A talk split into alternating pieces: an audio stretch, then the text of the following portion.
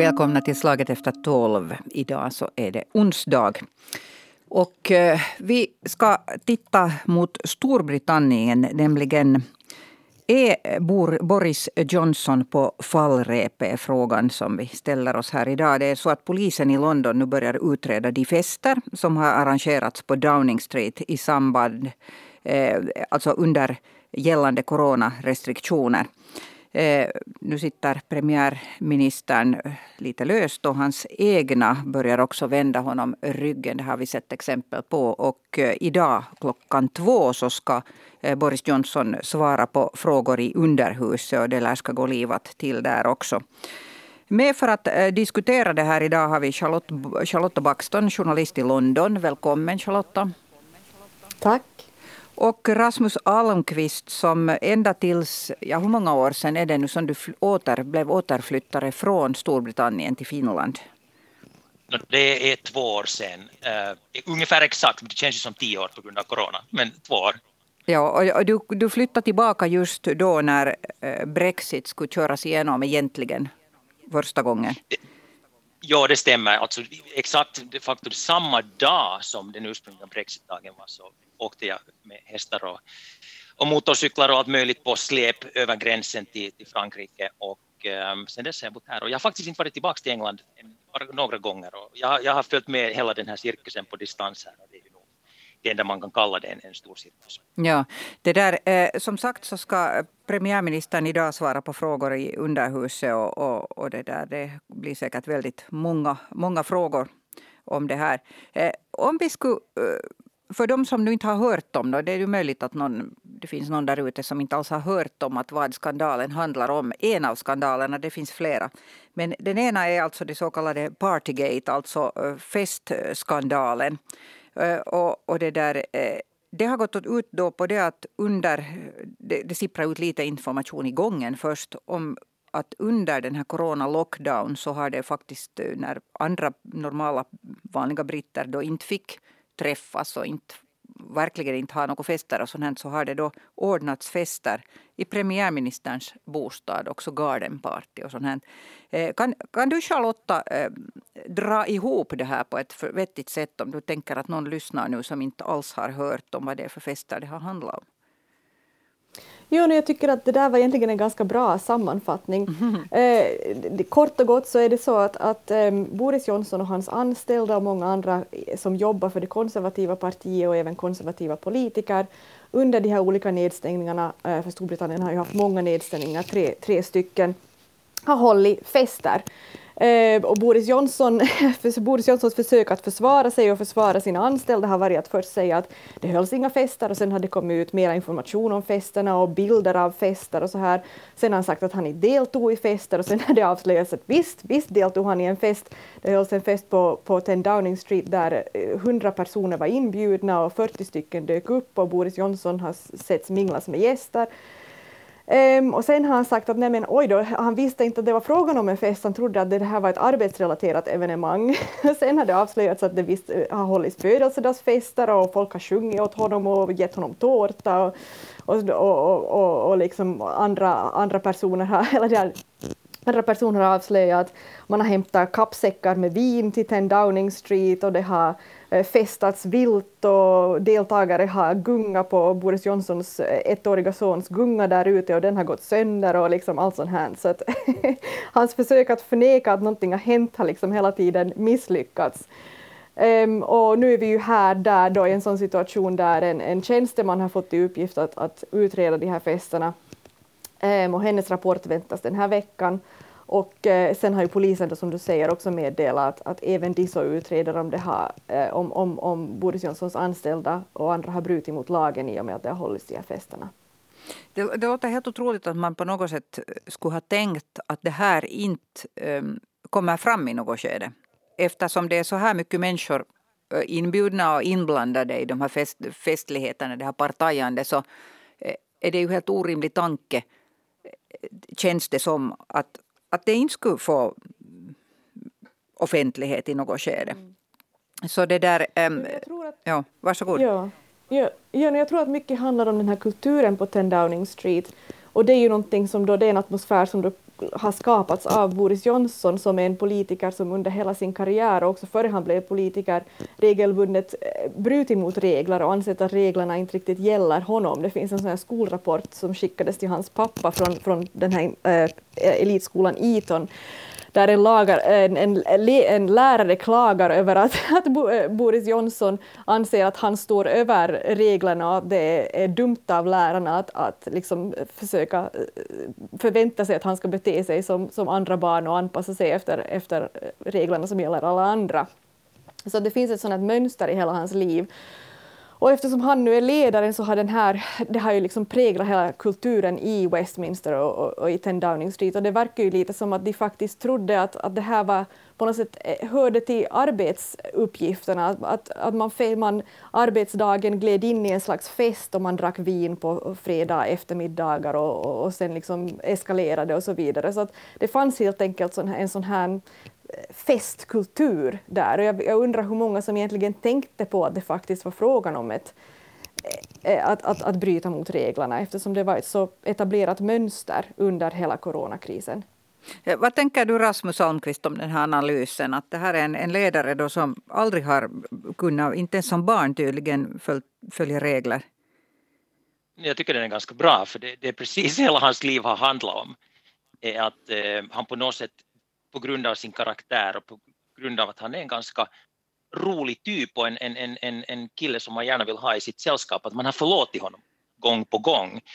Och sen han har ju haft den fördelen att på grund av sitt sociala nätverk och via då Eton och via de här olika familjerelationerna som man har via sin, sin, sin far då, så har han då haft möjlighet att poppa upp här och där i olika sammanhang. Då när han har fått sparken på grund av att han ljugit eller skrivit felaktiga nyheter, att till och med hitta på egna nyheter så han poppar upp någon annanstans och fortsatt med det här. Men det är ju nästan nog som om, om, om, om det här är slutdestinationen på honom. Vart ska han hoppa sen? Eh, det får vi se om det finns någon annat ställe. Men jag tycker att det är en bra analys. Ehm, själv, ärligt talat så, så måste jag säga att jag vet inte. Han, han, han är en överlevare på många sätt. Som, som både politiker och före detta journalist, må jag dessutom tillägga är att eh, man kan hitta honom precis var som helst och det är därför jag är lite tveksam vad, vad egentligen den här utgången ska bli, i det här spelet så som det ser ut nu. Ja, vad tror du Charlotta om det? Att är det här liksom början till slutet på, som eh, toppolitiker för Boris Johnson? Alltså jag håller med Rasmus, jag tycker det, det, är svårt att säga just därför att han faktiskt är en sån överlevare. Han har överlevt enormt många skandaler och folk har en sån här benägenhet att förlåta honom, eh, konstigt nog. Så att det, det, är faktiskt svårt att säga. Han sitter väldigt osäkert just nu och det kommer ju storma. Det, det liksom, den här stormen liksom blir bara värre och vem vet vad som kommer att komma ut idag, hur diskussionen kommer att gå under frågestunden i parlamentet. Eh, frågan är om den här tjänstemannens rapport eh, om festerna publiceras idag eller imorgon och, och vad, vad där står. Många konservativa parlamentariker har ju faktiskt sagt att de, eller förra veckan så sa många att de var redo att, uh, att det där avsätta honom. Och det är ju en process som sker internt inom det konservativa partiet.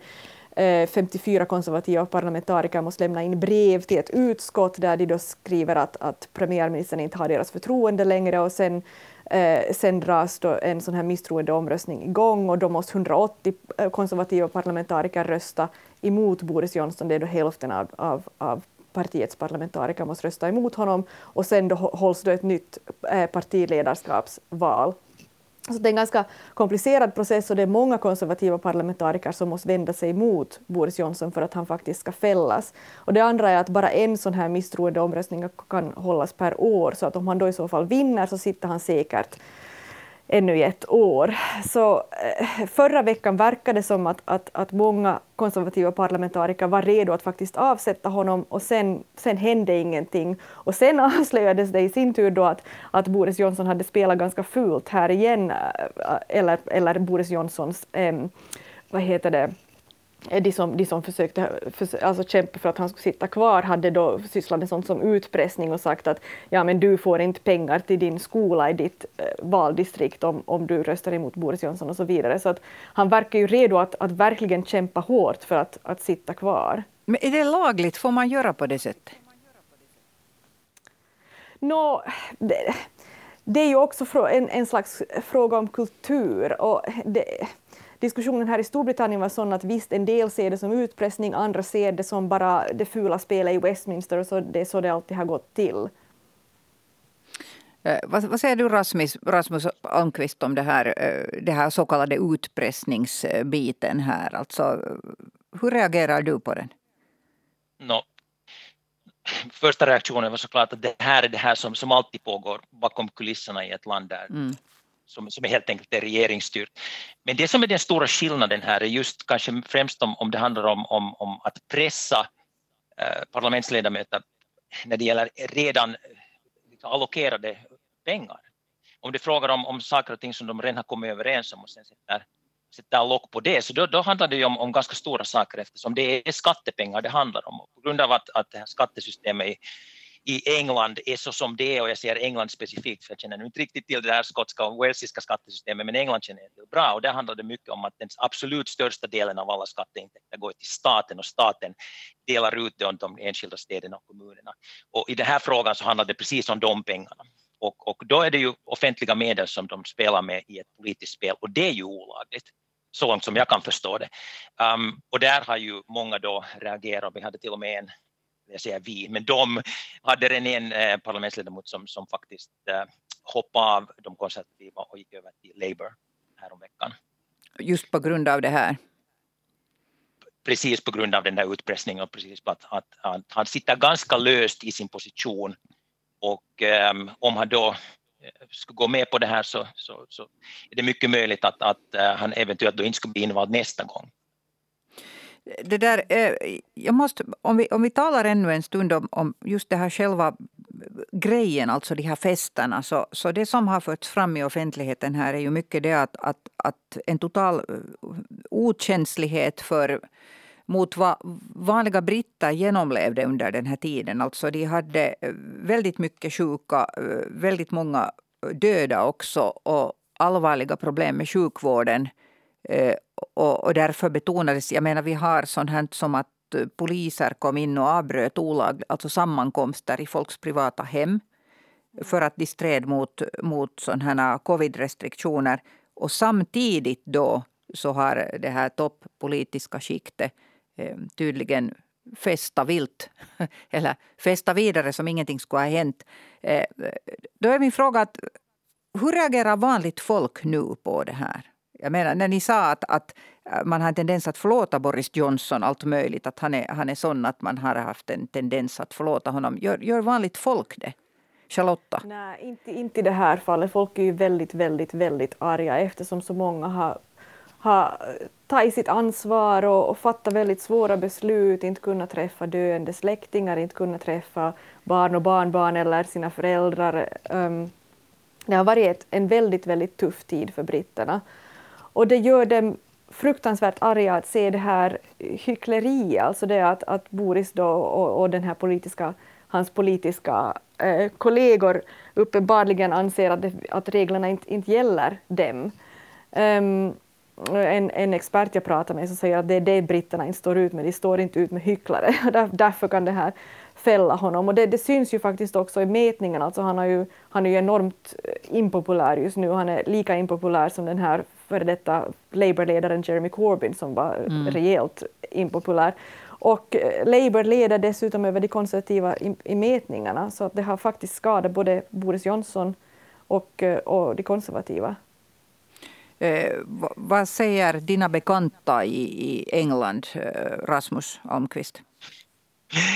Nästan ingenting för att vara helt ärlig.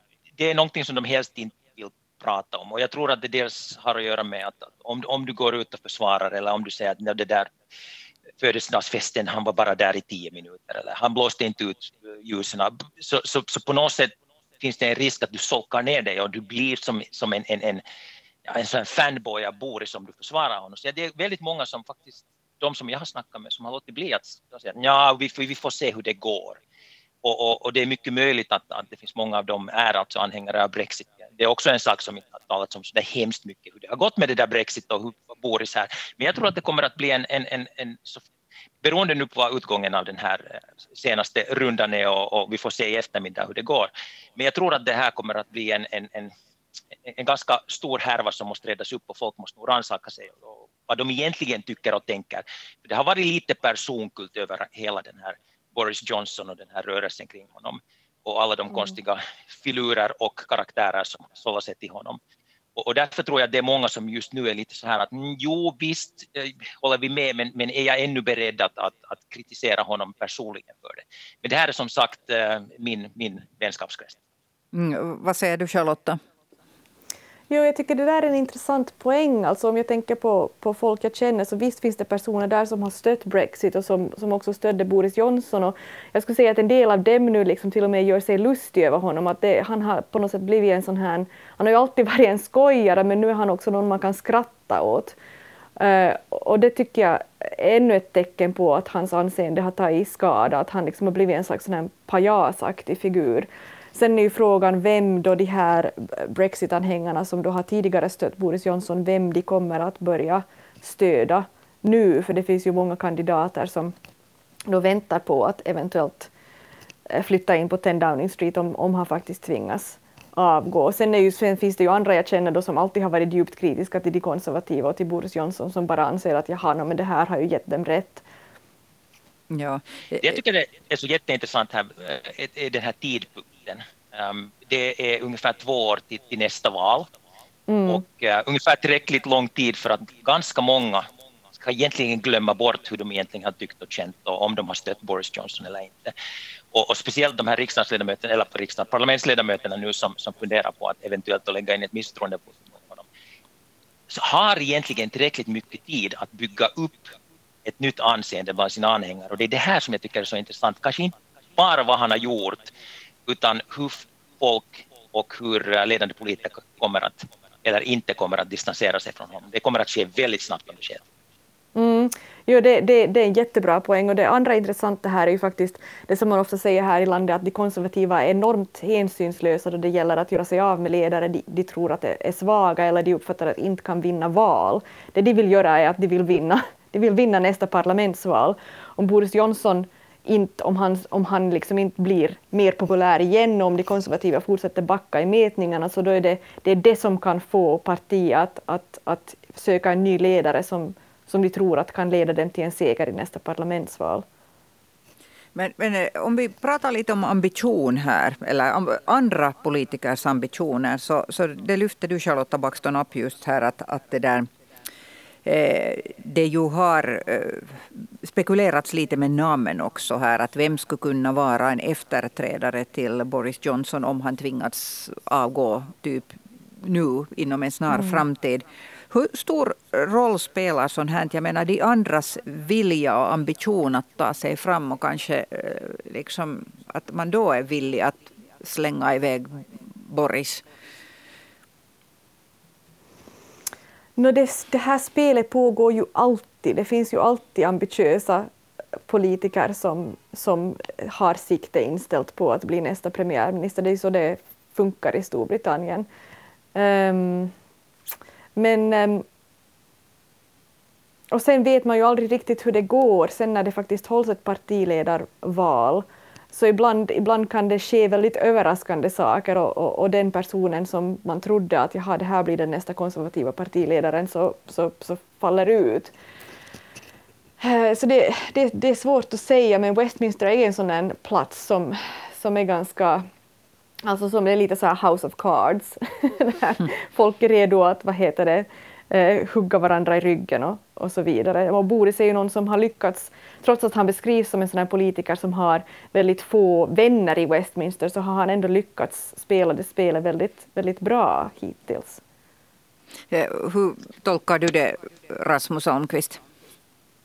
Mm, ja, det är egentligen så här så som jag ser på det att de har ju en betryggande majoritet för tillfället. Om, om nu de, de, de kastar ut Boris så måste vi börja fundera att vilka är de politiska konsekvenserna i valet om två år och då, då är det en, en, ett antal grejer som de måste fundera på. Det är att hur stor del av den support som de har just nu kommer att försvinna och kommer partiet att krympa och kommer de att ge över till Labour och vart kommer de här nya um, eventuellt då riksdag, eller parlamentsledamöterna kommer de att, att, att bli ersatta av Lib Dem eller Labour.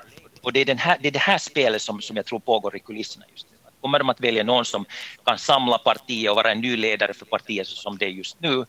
Eller kommer de att, att rannsaka sig och, och rensa ut alla de, de här Boris fanboyserna ut ur partiet?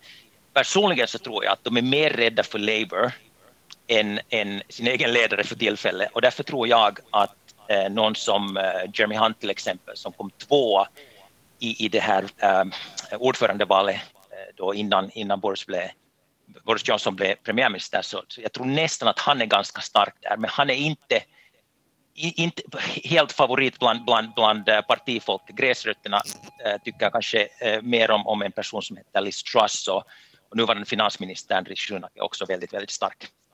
Så, så det ska bli intressant att se vilken väg de väljer. Jag tänkte att i det här skedet skulle vi också kunna prata lite om Brexit. Nämligen, det är ju det som har varit den här profilfrågan från början från Boris Johnson och som har lett honom egentligen till den post där han finns nu. Och, och, och, det där, um, nu har det ju visat sig att, att väldigt mycket av det här um, tråkiga följderna också har, alltså, de har gått i uppföljelse, det som många, många varnar för i samband med, med Brexit. Då. Till exempel brist på arbetskraft inom vissa branscher, grönsaker som ruttnar på på odlingar för att ingen plockar dem, ingen som kör ut bränsle och, och så vidare bort. Alltså vi talar om, om, om sådana konsekvenser helt enkelt av det här Brexit. Eh, avtalet. Hur, hur mycket är det här liksom en, en topic, en, ett diskussionsämne i Storbritannien idag nu när vi talar om Boris Johnsons position? Vad, vad säger du Charlotta Baxten? Alltså jag skulle nog säga att det är nog pandemin och, och de här festerna och sånt som, som är ett mycket större samtalsämne just nu. Det är, folk är inte så där hem, ha, de orkar inte riktigt prata om Brexit något mera utanför de här kretsarna som är väldigt, väldigt investerade i, i, i att antingen stödja Brexit eller motsätta sig Brexit. Men annars är det nog någonting britterna så där nästan börjar glömma bort, som om det var en slags så här temporär galenskap och nu vill man gå vidare från det hela och orkar inte riktigt tänka på det något mer.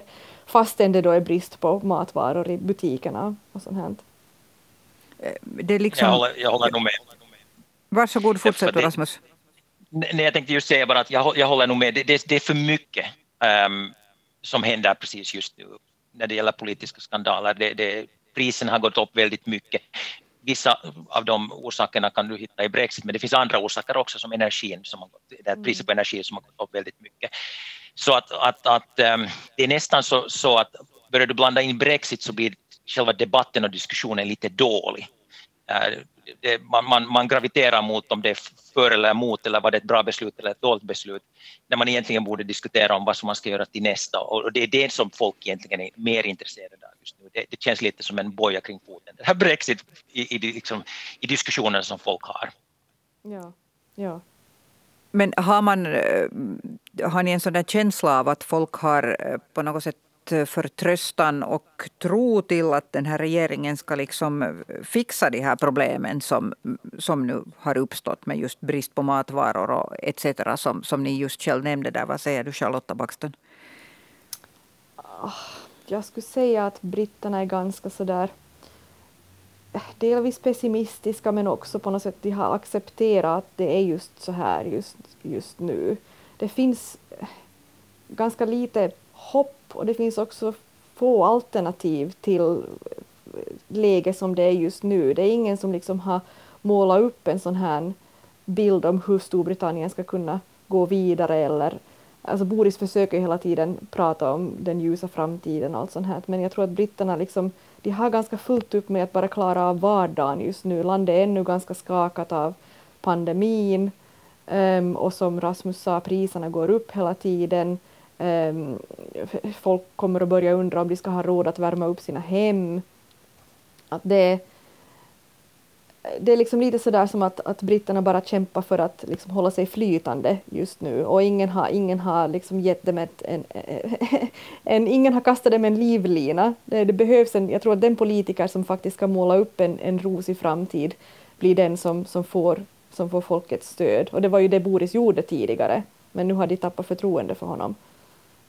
Mm. Och, Labour har ju inte gjort precis en, en, en bra slag i saken. Det de har egentligen de har ju varit väldigt, väldigt frånvarande i diskussionen kring eh, Storbritanniens framtid.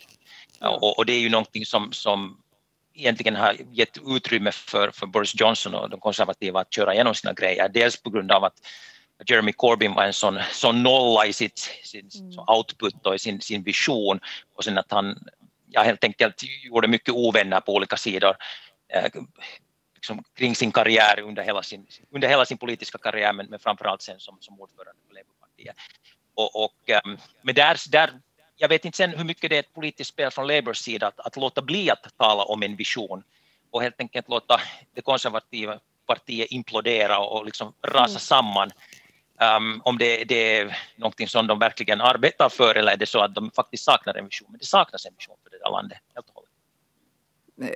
Eh, alltså, um, skulle det här inte vara liksom 10 miljoner dollars platsen liksom för en karismatisk ledare också i, ska vi säga, i Labour att nu liksom stiga fram? Ja, men det där... Finns, det, finns, det, finns det på riktigt det ingen? Finns ingen. Nej. Nej. De är totalt okarismatiska allihopa, menar ni det? No, det finns ju, alltså visst finns det ju mer eller mindre karismatiska personer, men det är ju också det att det är väldigt um, divisive, vad det nu sen är på svenska, alltså de, är, de, de splittrar folkopinionen. Mm. Det finns sådana som Jess Phillips som visst kan beskrivas som karismatisk, hon är en väldigt så här liksom talar klarspråk uh, kvinna från, från, från Birmingham. Um, men det där, hon är också, en del avskyr henne. Så att det finns liksom ingen riktigt sån här enande figur som, som Tony Blair till exempel var som faktiskt lyckades locka, lots, eh, alltså locka massa olika sorters väljare till, till Labour. Och problemet är ju det att en väldigt många av de här lite mer tänkande, och jag använder det där ordet väldigt, väldigt det där noggrant här, men alltså de här tänkande politikerna och de som alltså kan komma med lite insikter har ju pressats ut ur partiet 2019. Eh, du hade såna, en, en, en person som, som faktiskt inte är mera med, Rory Stewart, som jag verkligen gillar ja. och som, som ja. faktiskt mycket substans, men han, hans output och hans sätt att vara är väldigt introvert. Så han är inte karismatisk, väldigt smart, och det är han nog, men, men det, det är inte någonting som, som, som konservativa partier för tillfället tycker jag behöver. De behöver någon som kan tänka redigt och som kan reda ut hela den här sörjan som nu har uppstått här under de senaste åren med, med, med Boris Johnson som ledare. Ja, tänk det. Alltså, jag tycker också Rory Stewart är väldigt intressant. Tänk det om Storbritannien skulle kunna få en, en ledare som han, dessutom eventuellt ryktad före detta spion. det, skulle varit, det skulle varit väldigt intressant och, och han var en politiker som faktiskt kanske vågade ha en lite annan vision då det gällde Storbritanniens framtid och Storbritanniens plats i världen och så vidare. Um, och, och, och Alltså den, en annan vision som, som liksom inte, inte den som nu läggs fram av Boris Johnson som väldigt mycket ändå handlar om att Storbritannien liksom ska isolera sig från resten av världen och ja, gå sin egen väg och ja, det här um, ja, alltså min, min poäng är väl den att Rory Stewart var, var en sån som ville knyta band till resten av världen och det är ju det kanske Storbritannien måste göra för att, att gå framåt. Landet kan inte längre stå ensamt och, och hoppas att ha eh, makt på grund av sitt förflutna som ett imperium. Eh, jag tänkte, ni har nämnt båda två pandemin här några gånger och den har ju drabbat Storbritannien svårt och hårt. Och, och det där. Nu undrar jag, är det månne så, en fråga till er, har pandemin ändå, trots att nu de här festerna kommer nu till ytan, har den ändå stärkt på något sätt den här eh, Boris Johnsons eh, position? Eftersom ofta när ett land är i någon sån här kris så ställer man ändå sig på något sätt bakom sin, sin ledare. Eh, hur analyserar ni det, Rasmus Almqvist? Kort svar är, är nej och jag ska lite utveckla det där svaret. Jag, jag tror att, att pandemin, det har inte stärkt honom men det har isolerat honom på ett sätt. Um, det, det, har varit, nu när allting kommer till ytan vad som har pågått där i, i bakgrunden så det, det, är en sak men, men jag, folk, jag tror inte att folk drog sig från att kritisera honom men, men vad var alternativet? Under, under pandemin. Va, va, va, ska, vem annan ska kunna leda det här landet? Jag tror att det fanns fortfarande en sån här hybris av Brexit-hybris och en, och en grej där man ville att, att, man ville att han skulle lyckas. Men äh, definitivt inte tror jag det. Jag tror inte det har stärkt hans position i, i det här läget utan, utan jag tror att, att hela eko, ekonomin, äh, det att det går dåligt för tillfället egentligen har bara maskerats av covid-pandemin här och att, att ähm, skulle den inte ha ägt rum så, så skulle han säkert nog vara på fallrepet mycket tidigare. Hur tolkar du det Charlotta Baxton?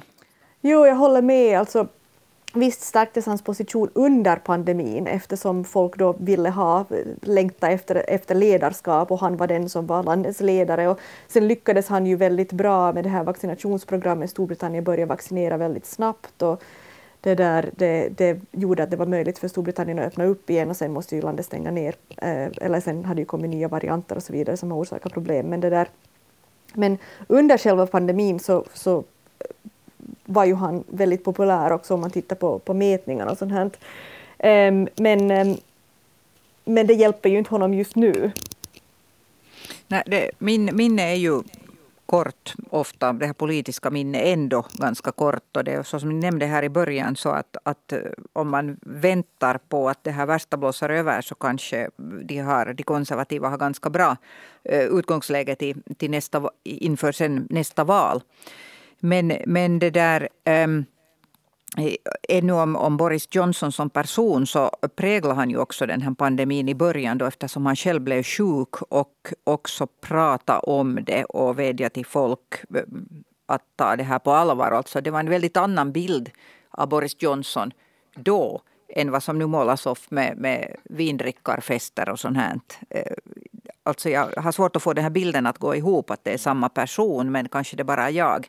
Eh, Rasmus jag, Almqvist. Jag tror, Boris Johnson, mm. jag tror Boris Johnson har själv svårt att få det att gå ihop. För när, när pandemin körde igång så, så var han ju där ute och, och till och med skröt om att han, han, han kommer att skaka hand med varenda person han möter och han tog det egentligen inte på allvar och, och det gjorde, mm. och han körde igång hela den här um, nedstängningen väldigt sent, um, vilket då fick den påföljden att, att en, en, massa människor blev sjuka. Men, men jag, jag, tror att folk nu förstår att, att han egentligen är en person som försöker ta liksom politiska poäng av allt som görs. Och storyn just nu som de håller på att försöka tuta ut är att, att, att de har lyckats väldigt bra. Jo visst, vaccineringen skötte de bra, men nu är de på samma läge som alla andra länder. Men att, att, att äh, hans, hans eh, största anhängare och mest verbala anhängare som Jacob Rees-Mogg och andra så, så är ute för tillfället och, och pratar om att hur bra han har lett landet under pandemin. Och det är ju det, det, det är på något sätt så, så, konstigt att lyssna på det som, som, som tutas ut och, och sen gå tillbaka och titta på, på fakta. Men jag, jag tror att, att um, de, de vill skapa en, en, en narrativ kring Boris Johnson som handlar om att han skött saker och ting bra, men de facto så tror jag att han har bara suttit, suttit där och, och, och blivit ja, har dragits med i olika situationer och, och försökt bara klara sig. Ledarskap, tyvärr, har jag inte sett. Jag har sett att han har reagerat på olika, olika tillfällen och olika situationer. Mm. Men, men verkligen försökt leda det här landet har jag tyvärr inte sett. Det får mig att tänka på, det var någon som, någon, jag kommer inte ihåg vem det var, det var en av de här toppolitikerna i Storbritannien som, som är kritisk mot Boris Johnson, en av de konservativa politikerna som beskrev honom som en person som står och tittar på vart folkmassan springer och sen så springer han framför den och säger följ mig.